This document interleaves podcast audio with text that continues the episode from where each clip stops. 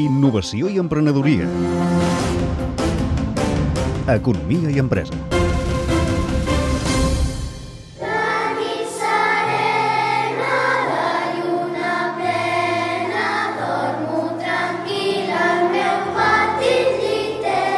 Si fos tan fàcil, no tindríem mal d'esquena, de cap o mal humor, però aconseguir descansar bé depèn de molts factors, entre d'altres, del matalàs.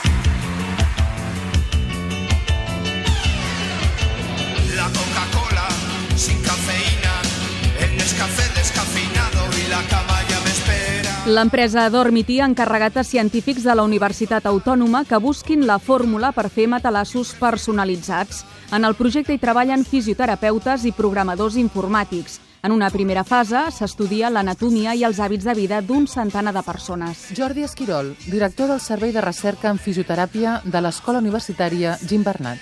totes les variables morfològiques d'una persona, des de l'alçada i el pes fins a les seves